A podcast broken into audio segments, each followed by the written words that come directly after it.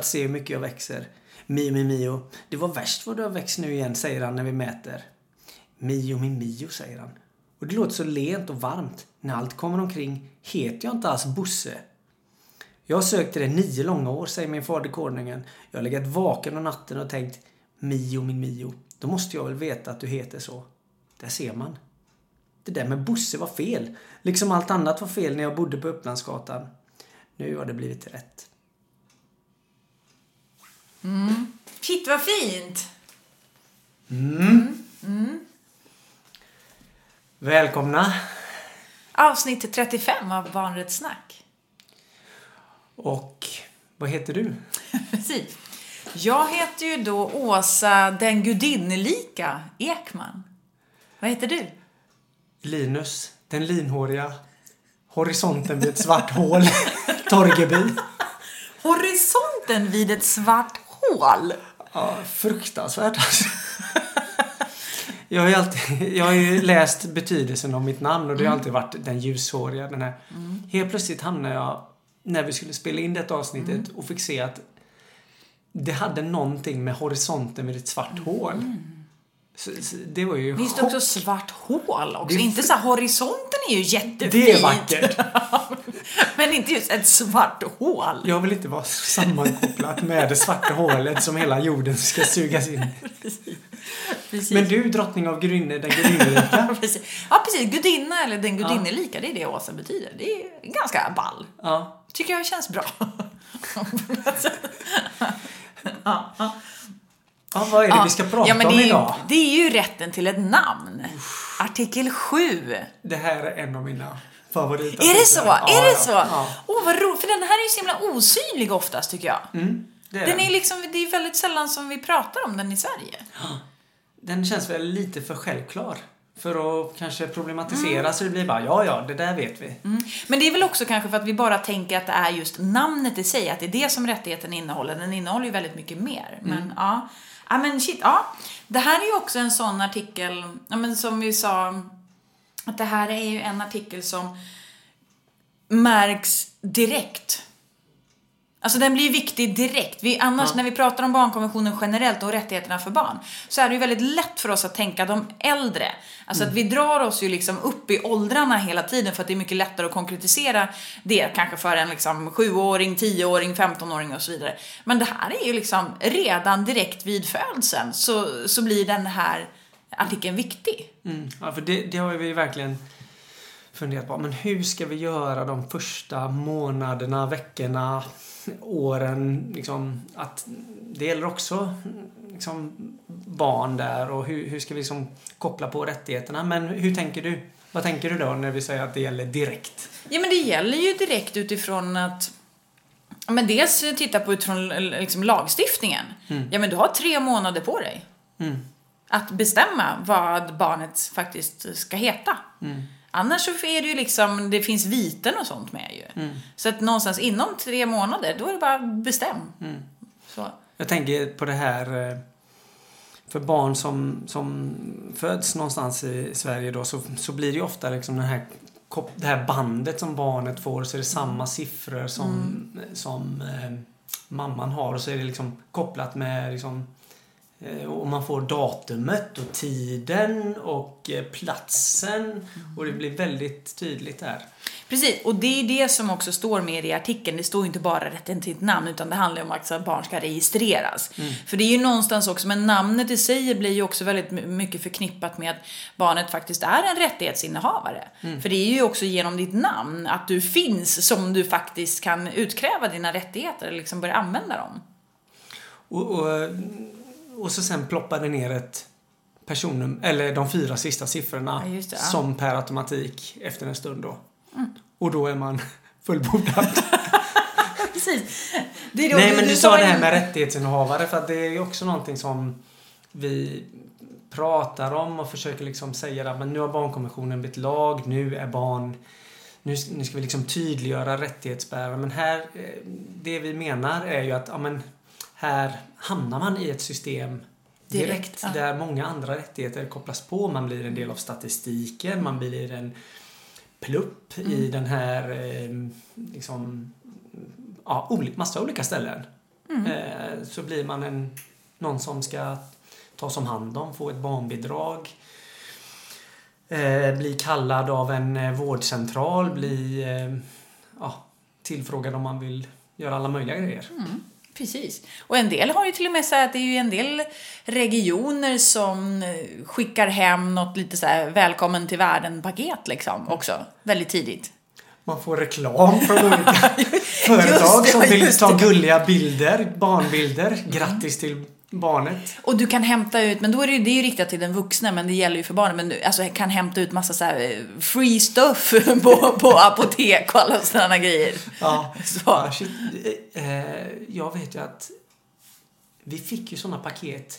När, när, när vi fick våra barn, då, då födde vi dem på BB. Då fick vi paket. Sen slutade de med det. Det var ju lite så här snopet. Ja, Men jag, jag vet inte vad det var Jo, som hände. ja, nej. Ni, Det växte. Först fick man en bunke, sen fick man två stora påsar och sen så tog det slut. Jag vet inte vad som hände. Ja.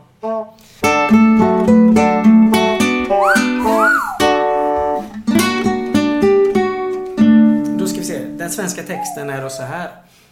Eh, artikel 7. Barnet ska registreras omedelbart efter födseln och från födseln ha rätt till ett namn, rätt att förvärva ett medborgarskap och så långt det är möjligt rätt att få veta eh, vilka dess föräldrar är och få dess omvårdnad. Konventionsstaterna ska säkerställa genomförandet av dessa rättigheter i enlighet med sin nationella lagstiftning och sina åtaganden enligt tillämpliga int- internationella instrument på detta område. Särskilt i de fall då barnet annars skulle vara statslöst.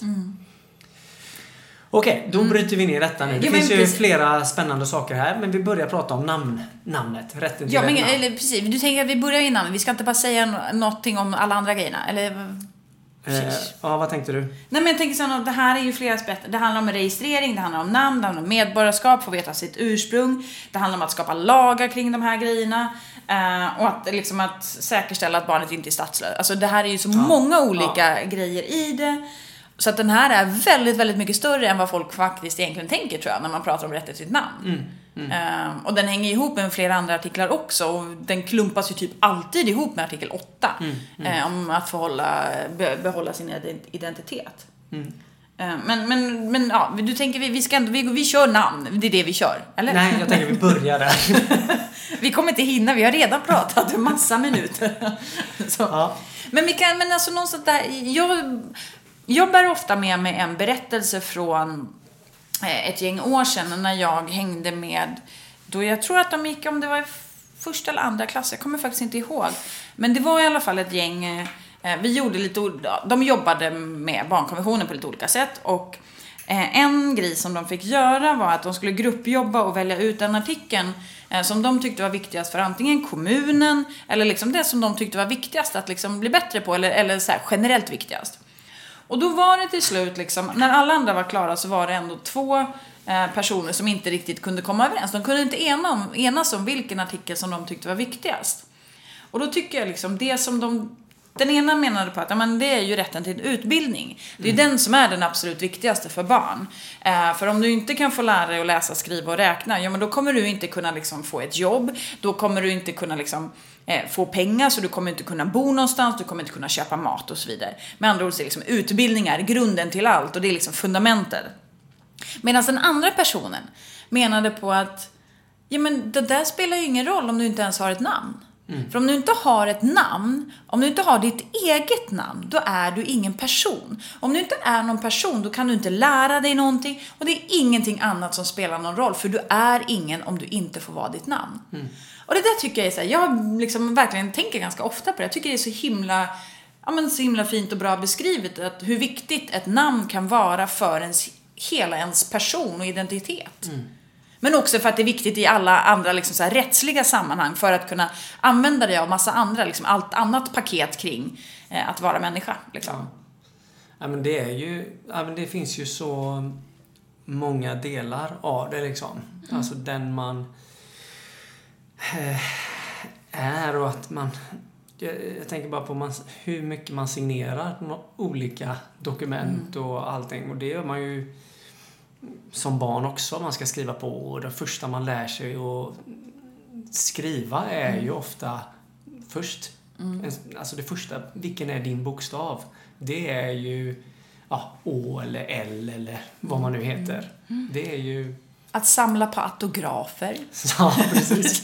Nej men det har ju också, Ja, ja. det namnet har Ja, ju ja, så visst. många olika, alltså, olika betydelser liksom Mm. och är så viktigt. Och jag tänker, man kan ju prata både om så här förnamn, vi kan prata om mellannamn, vi kan prata om efternamn. Men det finns ju också så smeknamn och öknamn Mm. och liksom alias, alltså skriva under pseudonym. Alltså det finns ju liksom, namn är ju egentligen väldigt centralt i väldigt mycket saker.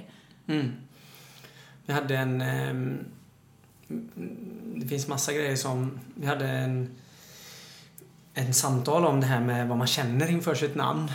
Hemma? Hemma, ja. Ah. Vad man tyckte. Man, hur, hur, vad tycker du om ditt namn nu? Eh, och då var det några...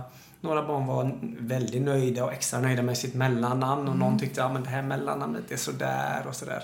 Ehm, och ehm, eh, ja, det, det finns ju väldigt mycket med det. Och vi har också en klassiker när man går in på SCB eller Skatteverket kan man gå in och titta hur många heter Ja, just det. eh, Åsa. Ja. Och då kan man också säga, men hur många eh, eh, hur många män och kvinnor står det uppdelat där som eh, heter det ena och det andra? Och då är det alltid något av barnen som har ett litet sådär namn som både killar och tjejer har alltid tycker bara, herregud, det är jättemånga som heter så här. Och, ja, det är väldigt roligt. Det finns ju så många intressanta diskussioner som man kan ta i detta.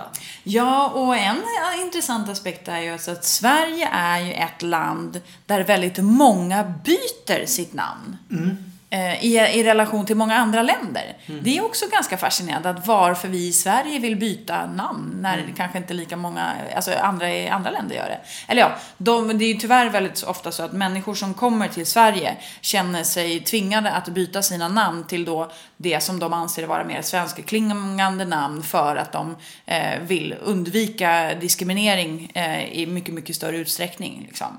Så det är ju en tragisk aspekt av att det är väldigt många som, som byter namn. Men, men det är ju även många andra som byter sina namn. Ja, namn kan...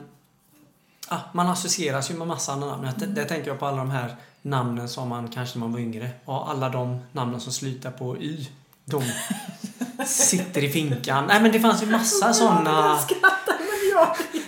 Det finns ju massa Ja. såna grejer som man liksom blev Alla de här alla barnen-skämten också som var baserade på namn och så liksom... De körs fortfarande. Är det så? Jajamän. Nej. Jo, Men de måste vara uppdaterade på något sätt. Kanske lite. Men de, det finns de klassikerna. Nej, men sen kan man ju också diskutera egentligen rimligheten att någonstans typ staten ska få bestämma om någon får heta någonting eller inte. Alltså egentligen kan man ju också tycka att det är ganska sjukt. Att liksom, varför ska någon annan kunna, varför ska någon kunna säga så att nej, du får inte döpa ditt barn till det. Det kan man ju på ett sätt tycka är lite knasigt liksom. Och sen så kan man tycka att det handlar om skydd för barnet. Ja. Eh, och att det är bra. Och där finns det ju liksom allt från att man frågar eh, familjen och det kan ju också vara familjenamn som ärvs ner som man förväntas att alla ska heta Gabriel i andra namn eller här ärver vi så här. Det finns ju massa sådana olika traditioner också där man ärver alltid det kan ju vara pappans släkt eller mammans eller man ska heta dens dotter eller vad det nu är. Ja, ja, Eh, Det finns massa sådana roliga grejer. Ja, och sen finns det också, man kan tänka sig att... ehm, ja, men för en grej som var när, liksom, när den här artikeln skrevs så handlade det kanske mer om utifrån barn som adopterats. Eh, att de behöver liksom ha rätt att veta eh, sitt ursprung och behålla sitt namn. Eh, att helt enkelt att den internationella rätten, namnrätten, man ska liksom inte ändra en persons namn från land till land sådär. Eh, Medan idag kanske liksom i Sverige så är det kanske inte det som är i fokus utan då kan det ju vara liksom Ja men när liksom familjer separerar till exempel, barnet vill eh, liksom ha ett efternamn utifrån liksom nya konst- familjekonstellationen kanske till exempel. Eller att man eh, ja, men känner att jag vill heta också den här grejen. Alltså det finns ju så många aspekter idag kring det. Eh, som kanske inte var när konventionen skrevs.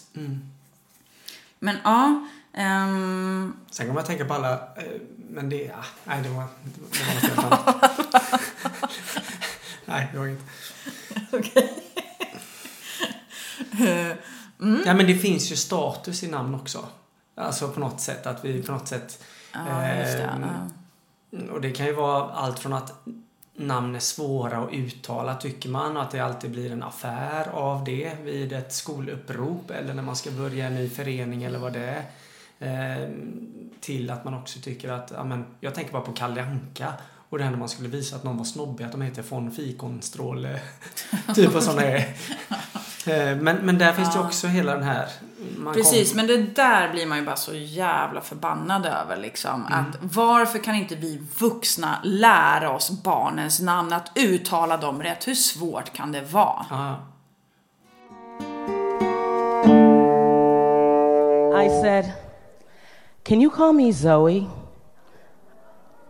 And she stopped and gave that mother look that only mothers know and have and said, Why? and I said, Because no one can say Oza Ozamaka. And she looked at me and she said, if they can learn to say Tchaikovsky and Michelangelo and Dostoevsky, then they can learn to say Ozamaka. Ja, så nu när vi har hört det här klippet så kan vi bara konstatera att vi måste bara lära oss namnen. Alltså Ja. på riktigt, gör det. ja. Ehm, men vi har ju också så här, du nämnde det här med så här, superhjältar. Ja, ja, men, och det var ju lite kopplat till Mio min Mio också. Det här med vem, vem man vill vara och att ha en hemlig ha ett hemligt namn. Och där tänker jag att många alltså, tänker på alla de här sup, superhjältarna som finns. Eh, som har en identitet och ett namn som är ofta kanske något väldigt vanligt. Men sen går man in i en annan roll och där har man ett fräsigt namn liksom. Som är någonting helt annat som är associerat med något annat och också kanske som har en annan positiv värdeladdning som jag tänker det här med. Typ Clark Kent ska vara, anses vara lite töntig, fumlig Ja, och hela den här grejen. ja. Sen när han är liksom Stålmannen så bara... Mm. Ja, ja, han heter ju inte så. Vad, vad är det han heter egentligen? Kal-El? Kal-El. Ja, men är det inte det? Ja, ja, ja, ja, Ja. Han är från planeten... Eh, inte Krypton, för det är den andra. Ja. Ja, är- ja, men ja. precis. Något sånt. Nej, men verkligen. Nej, men så är det ju. Och där finns det ju hela det här... Ja. Jag tänker att det är någonting... Det ligger någonting i det. Ehm, Och sen nämnde du en annan grej också, så att, att idag då, utifrån att Ja, när konventionen skrevs så fanns ju till exempel inte internet. Men du nämnde någon sån influencer-person som körde omröstningar om vad, vad barnet skulle heta. Ja, precis. Jag vågar nästan inte säga det här för det här har jag bara hört av mina barn. Att Jaha, en så det kanske inte är så. skulle få barn och då fick, var det liksom, fanns en allmän omröstning Mm. om vilka alternativ tyckte man och det blev det då. Och där tänker jag också sådär om en eh, vad, vad säger de här föräldrarna till barnen för det? Så, ja men du, vi röstade om ditt namn och det var liksom 500 000 som tyckte att du skulle heta Mm. det här namnet. Ehm, och det är ju ändå något som är så intimt och jag vet ju att våra barn älskar ju när vi berättar om hur de, varför Hur de de, heter sitt namn, det och hur vi kopplade det till det. Och så, det är ju någonting Mm. eh, väldigt, eh, ja men något intimt med Mm. det liksom. Eh, där jag alltid varit missnöjd med mina föräldrar. De bara, "Aj, jag vet inte varför. jag vet inte varför vi hette, hette Linus så. Jag drömde om att heta Stefan och Torbjörn och Niklas Jaha. och Orvar som mina coola sysslingar hette. Men jag vet bara att det enda jag kan, eller som jag tror att jag har fått höra är att ja, men de vill ha ett kort namn. ja, det var den grejen. Sabligt snåla. Jo men, jo men precis, det och att det skulle funka oavsett hur gammal en än var. Liksom. Det skulle funka både som barn och också som äldre. Eh, Sen var det väl kanske mer äldre som hette Åsa än vad Ja. det fanns när jag... Men ja. Ja, men eh, sen kan vi ju, precis, vad, vad, ska vi prata om nu? Vi kan ju faktiskt säga att det här var ju, annars så tycker jag alltid när vi säger, när vi går tillbaka för att liksom beskriva hur rättigheten kom till och diskussionerna, då tycker jag alltid att vi annars har sagt så här, den här fanns inte med i ursprungsversionen som Polen la fram, men den här gjorde ju det. Den här var faktiskt med från början eh, i förkortad vari- variant. Och då hade den, var det liksom som, tänkt som artikel nummer tre. Det tycker jag är lite kul ändå. Um, och det här är också någonting som liksom barnrättskommittén lyfter också att det är um, jag menar att det är en dål, kan ha en dålig inverkan på ett barns känsla av personlig identitet och så vidare om inte barnet registreras och får sitt namn liksom så tidigt som möjligt. Men där är det ju också en, en, en... Jag tror att olika länder har ju olika system med olika nummer kopplat till namnen och sånt också. Och där kan man ju ändå säga att den här rättighetsbärargrejen som vi pratade om i början är ju väldigt kopplad till personnumret. Sen är namnet också där. Men personnumret är ju alltid det som ja men när man ringer till tandläkaren med sitt barn eh, då måste man ju alltid kunna de fyra sista siffrorna för att liksom helt om, bli, komma in hela vägen liksom. Eh, sen har vi vi har ju liksom varit lite svåra och, har lite special, svårare namn på våra barn vilket gör att de ofta kommer upp där ändå. Mm. Men annars måste du alltid kunna de fyra sista liksom. Så, och där finns det ju barn i Sverige som, som, inte har, som inte är enligt det systemet. Utan den registrering man har då som man får är ju eh, från Migrationsverket. Det handlar inte om att få ett personnummer utan man får liksom ett eh, DOS-nummer eller ett LMA-nummer eller ett samverkansnummer eller något som är ja, inte i det vanliga systemet. Utan det ligger utanför? Liksom. Det ligger utanför. Det är någon annan som har hittat på det. Det, har inte, det är inte så kopplat till eh, ens födelse på det sättet. Mm. Mm.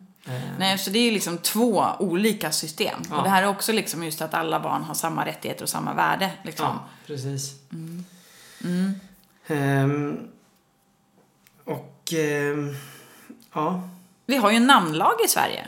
Ja, precis. Det har vi faktiskt. Och den är relativt liksom, den är ganska nyligen uppdaterad. Det är bara några år sedan mm. som den uppdaterades. Och då var ju tanken någonstans att det skulle vara mycket enklare att kunna byta namn och att det är den enskilda liksom.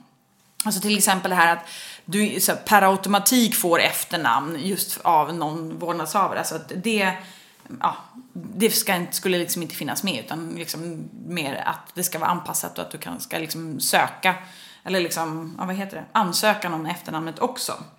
Um, och det som jag tycker är lite coolt med den namnlagen är ju faktiskt att barnets bästa står med flera gånger. Mm. Alltså, när det ska göras saker så ska det ske eh, i enlighet med barnets bästa, eller det ska vara beaktande av barnets bästa. Och att till exempel om du ska byta eh, efternamn på barnet, så om barnet är över 12 år så måste barnet samtycka till det. Eh, och att då ska domstolen också då inhämta barnets egen eh, åsikt om det här. Mm. Alltså jag tänker det är liksom, på många gånger så kanske det inte, när vi, vi inte tänker att, eh, helt, här har de ju tänkt. Ja, det är ja, kanske det jag ska säga. Ja. Mm. Så det tycker jag är ganska ball. Att så här, även där man, på ett sätt är det ju självklart att det ska vara med barnets bästa för ögonen. Men samtidigt så är det kanske inte det man per automatik tänker eftersom det här handlar om de yngsta barnen oftast. Mm. Och sen är det ju en tre månaders gräns. Sa du det förut eller? Mm. Ja. Eller det vet jag inte. Det kommer jag inte ihåg. Det har jag redan glömt. Men, men äh, föräldern eller föräldrarna måste ha skickat in ett namn till Skatteverket mm. inom tre månader. Precis, annars kan det bli vite och hela den här ja. grejen. Mm. mm. Jag, jag, tänker bara på den här boken som var väldigt eh, på tapeten för ganska många år sedan, Pojken som kallades Det. Ah, alltså shit, det här ah. att, att och, och, det är samma i Mio med Mio, jag läste inte det då men eh, Mios fosterföräldrar som han bor i där, där säger pappan du det här, alltså det är väldigt tydligt att han inte säger hans namn mm. heller då. Mm. Ja, men och där tänker jag också att det finns ju, har ju fått höra om exempel där, där det ju inte är Alltså där man av välvilja eh, kanske att det blir fel, att man inte respekterar den här rättigheten utifrån till exempel där, där en ska kalla alla barnen till exempel den här eh, förskoleklassen eller förskole, de yngsta, att alla kallas för hjärtat till exempel. Eller liksom att man, har, man vill sätta någonting som fint på alla namn, ja. alla barnen. Men i själva verket så blir det ju då en liksom anonym klump och att det inte är liksom, du får inte vara din egen person. Utan alla ska vara likadant och alla är hjärtat till mm. exempel. Mm. Mm. Så smeknamn, även om smeknamn kanske eh, uttrycks utifrån någon form av omsorgstanke och att det, det finns en fin tanke från början mm. så är det ju ändå så att barnet har rätt till sitt eget namn mm. och ska kallas efter sitt eget namn. Mm. Och där vet jag också att vi har pratat om det här med ja, men när man jobbar med barnets frågor och ska liksom göra rapporter och så att man att vi vill ju gärna att det ska vara namnet kopplat på bilden som är där. Alltså om det inte handlar om... Jag menar alltså att det finns en, en styrka, det är ju jätteolika situationer, men att det också står, ja men det här är Manne Larsson eller... Eh... Du menar på förskolan så? Nej, Nej, det var alltså- nu, förlåt, jag hänger inte med. Nej, jag jag, tänker- jag, jag har hamnat... Jag. Nej, jag tänker mer att eh, till exempel när jag jobbar på Rädda Barnen och man gör en rapport och man vill ha in barns röster. Att, att få med namnet i vem är det som säger det här citatet är också någonting som är viktigt. Alltså på flera olika sätt men också att eh, barnet verkligen känner att ja, men det här är jag som säger detta. Sen är det klart att man kan behöva anonymisera i vissa Jo, jo, fall. exakt, ja. Men att det också finns en styrka i att eh, det blir inte bara den här massan som du pratar om som man kan bli. Mm. Att det är inte bara barn eller så. Ja men precis, och det är ju också, för annars är, har vi ju ganska lätt att prata om barn som en klump. Ja. Barn som någon slags grupp, barn och den där klassen, den där, liksom, det där Mm. gänget. Medan så fort vi liksom faktiskt använder oss av barnens namn Mm. så blir det ju också det enskilda barnet. Eh, att, och det kan ju också vara ett lättare sätt att se barnet som en rättighetsinnehavare. Genom att faktiskt titta på det här med namnet. Mm. Det här är ju också sådana grejer som har kommit upp, du vet man har fått liksom så här, eh, verkligen testat i domstol vad, vad folk får heta och inte och så här. Det finns ju liksom, sånt där kan man ju googla fram liksom, eller internetsöka fram vad folk får heta och inte heta och sånt. Ja, vi, vi läste ju igenom det här förut. Det var ju väldigt roligt. Ja, men jag, det höll på att skratta eh, jag höll på att skratta väldigt mycket då. Men, Det, men det eh, finns många fantastiska men också väldigt... Eh, Har du dem där nu uppe eller? Nej. Ja, men jag vet inte, det känns som jag, jag känner, jag känner... Nej, det vill vi inte läsa va? Nej. Nej. Nej. men det kan man titta på. Det Men det finns både så här, man tänker så här, shit vilken fantasi och, och wow, vilka namn. Och sam, samtidigt tänker en så här, jaha, är det ett namn? Ja. Eller det fick inte vara ett namn tydligen. Nej, liksom. nej. Till exempel nyckelpiga fick inte vara ett namn. Eh, och inte biceps heller. Nej. Nej. Till exempel. Eller påsen fick inte heller vara ett namn. Men ska vi säga... Åsa Larsson. Nej, men det är ju verkligen så. Men okej, då har vi pratat en hel del om det här med rätten till ett namn. Och lite också den här rätten att förvärva ett medborgarskap. Där vet vi också att den här prövning, medborgarskapsprövningen, är ju också under en ganska lång process då. Om man kommer hit som en familj, man söker om medborgarskap, då kan det ta ganska lång tid. Sen brukar det ofta vara så att man har ju rättigheterna även om man inte har medborgarskapet.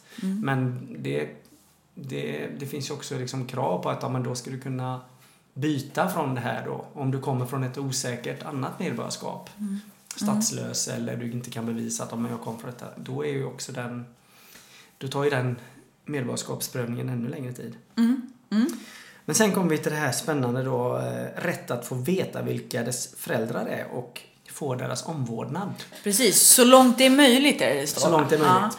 Ja. Ja, precis. Och här, vad kan vi tänka? Här kan vi tänka barn som eh, eh, adopteras. Mm. Eh, att det är viktigt av... Ja, vi kommer ju behöva ha ett avsnitt där vi pratar om, om adoption generellt utifrån att det är en artikel. Liksom, så att vi kommer ju inte liksom kanske gå in så mycket på det specifikt nu. Men det är ju en grupp av barn och unga som eh, om det inte går eh, rätt till kan ha förvägrats den rätten att få veta det. Till exempel. Ehm, och vi har ju också en grupp barn och unga, ja men till exempel barn som då har kommit till genom assisterad befruktning eller snarare genom donerade könsceller. Så är det ju så att eh, det, i Sverige så har ju barn rätt att få veta det. Eh, till exempel om det, alltså att barnet har rätt att få veta vem eh, donatorn är.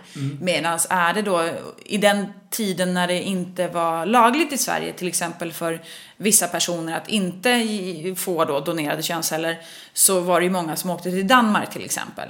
Eh, och i Danmark så är det ju så att du kan välja att ha en öppen eller stängd donator. Och det innebär ju då att har du då en stängd så kommer barnet aldrig någonsin kunna få veta vem donatorn är. Och här är det ju väldigt tydligt när två eh, när det krockar liksom. Att å ena sidan barnet har rätt att veta sitt ursprung men samtidigt så har du liksom anonymiserat donatorn. Och det här har ju också faktiskt barnrättskommittén liksom lyft eh, i kritiken till Danmark och liksom lyft den här grejen. Så.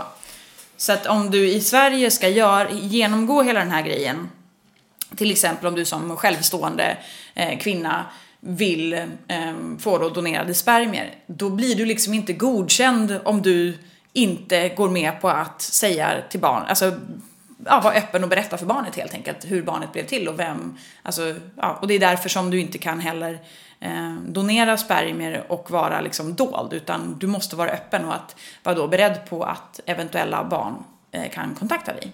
Mm. Vad har man för skyldighet då om... Du har inga skyldigheter för du är ingen förälder, du är en donator. Alltså som, Ja. eh, så, precis Ja. så. så Ja. att utan det är barnet som har eh, rätten att veta, men du har liksom inga skyldigheter som, som donator i det. Mm. Eh, För här pratar vi om det här också med att ja, men här har man ju någon slags... Eh, alltså om man inte får veta det då lever man ju någon slags parallellt spår. Och det här kan ju... Eh, ja, nu ska vi inte prata för mycket om adoption men vi sa det ändå att ja, men här är det ju jätteolika. Och det kan ju finnas sådana som eh, är med om fruktansvärda grejer när man har- har fel identitet och, och så vidare och så vidare. Och samma här med att olika barn kan ju reagera på jätteolika sätt. Men Mm. vi, vi har några röster från barn här kring det här med, med att eh, eh, ja, vem, vem är min... Ja men precis, och det här donatorn. är ju då från, det gjordes ju en studie i samband med att man tittade på det här med föräldraskap och ursprung när man skulle göra om hela de här faderskapsgrejerna och allt det där liksom. Det. Eh, det finns ju en sån SOU kring det. Eh, Och då gjordes det en studie, det var forskare vid Linköpings universitet som gjorde en intervjustudie där barn då liksom fick berätta om föräldraskap och biologisk ursprung och så vidare. Där barn då bland annat har kommit till då genom eh, olika typer av donation. Ehm, och det som den egentligen den här studien säger ju någonstans, men det här är ju som sagt innan, det här är ju för, för ett antal år sedan.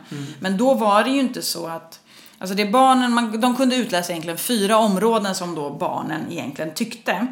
Ehm, eller som var liksom intressant för barnen. Det ena var ju då att det, här, det sociala och det rättsliga föräldraskapet, att det bör ju överensstämma. Det vill säga att den som tar hand om och omvårdar barnet bör också ses som rättslig förälder. Eh, också att lagen ska ju se till så att det faktiskt är lika för alla. Att det ska inte spela någon roll om du till exempel är gift eller sambos, eh, om du har, lever i liksom en heterosexuell relation eller en homosexuell relation. Ehm, och eh, ja, bland annat. Och sen också att till exempel att det här måste gå snabbt och enkelt. Att, för det finns ju också fall där just när det handlat om då det man brukar kalla för så här regnbågsfamiljer och så vidare, att det har fått liksom ta alldeles, alldeles för lång tid så att det kunnat gå liksom flera, flera år där barnet eh, lever med då två föräldrar medan det bara är en som är den rättsliga föräldern. Liksom. Och att lagstiftningen måste också underlätta att barn ska få kännedom om sitt biologiska ursprung. Det är liksom det som, som forskarna kunde kategorisera då, det som de här barnen uttryckte. Och då tänker jag att vi har liksom två, ehm, två olika eh, citat här som liksom någonstans ska visa att på samma barn är olika såklart. Liksom. Och då är det en som säger så här.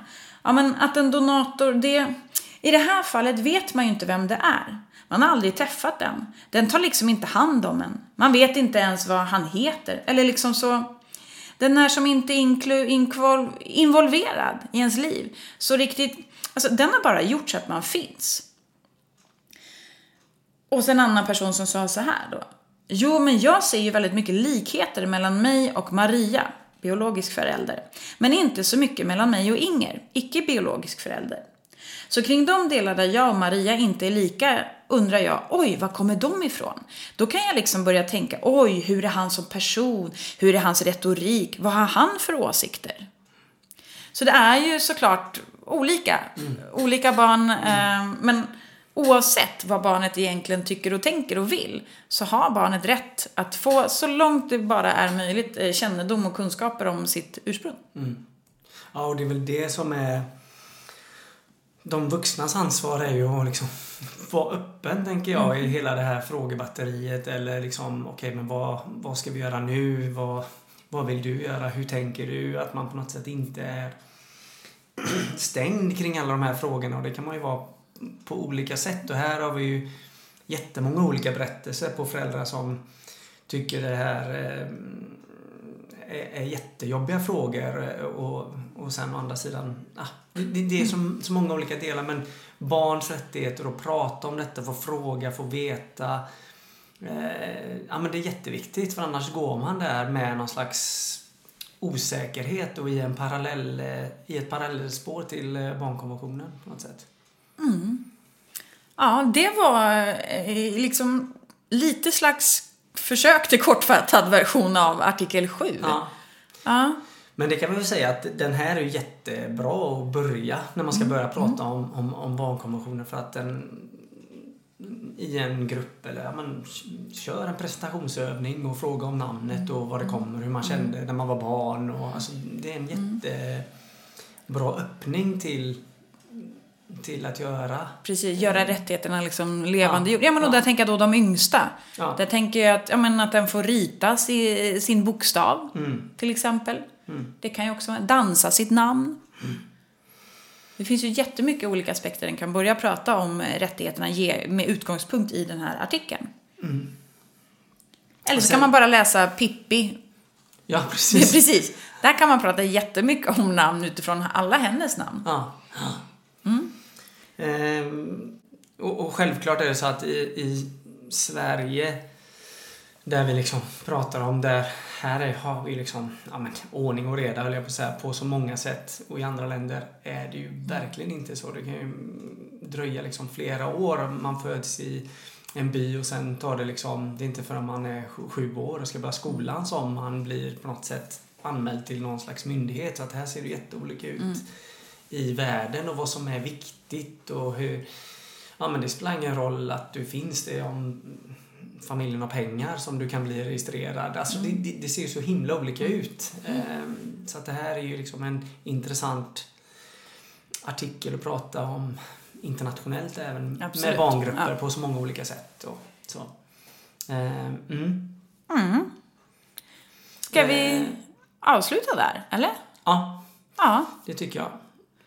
Då ehm, säger vi eh, på återhörande. Tack Ja. till Robin som klipper och eh, Jakob som gjort musiken och alla andra som har varit involverade. Mm. Så, eh, så hörs vi och snart kommer ju den här artikeln som vi har varit och snuddat på nu lite om adoption. Ja men precis, det är den väl om några, ja precis, vi har väl tänkt, vi, vi, om några avsnitt i alla fall. Mm, typ, nå, någonstans där. Så. Eh, ja, men tack för idag så hörs vi om en vecka. Nej, ja, vi hade ju en, Va? jag hade ju en utmaning.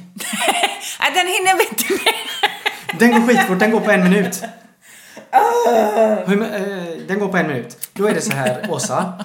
Eh, Ah, fan. Vi kommer säga, jag kommer säga så här, A, så säger du stopp. Och då kommer jag landa på en bokstav. Okej. Och då ska vi säga namn så fort vi kan. Hur- Alltså en och en eller två? Nej, eller, alltså vi kastar det, det blir som en pingismatch Ah, mellan dig och okej, mig. Så ska man komma på namn då Och på den bokstaven? stopp, Då, då har den andra vunnit. Okej, Jag oh, känner att shit. du vann den här sommarleken. jag måste liksom... Ja, så nu kommer du vinna match. den här. Ja, men det är bra. Ja. Okej, jag börjar då. Eller jag säger A, Stopp! G. Okej, du får börja. Gunilla. Göran. Ah, nej, men gud. Gunnel. Gry. Grynet. Gertrud. Gloria. Gunnar. Har jag sagt det? Ja, det sa Nej. Ja, det sa du. Glenn, Glenn, Glenn. Nej, jag vann! Nej. Okej, det blir oavgjort för jag känner att du tänkte väldigt länge där. Okej, Ja, jag vet. grattis till en halv poäng. Hej då! Hej då.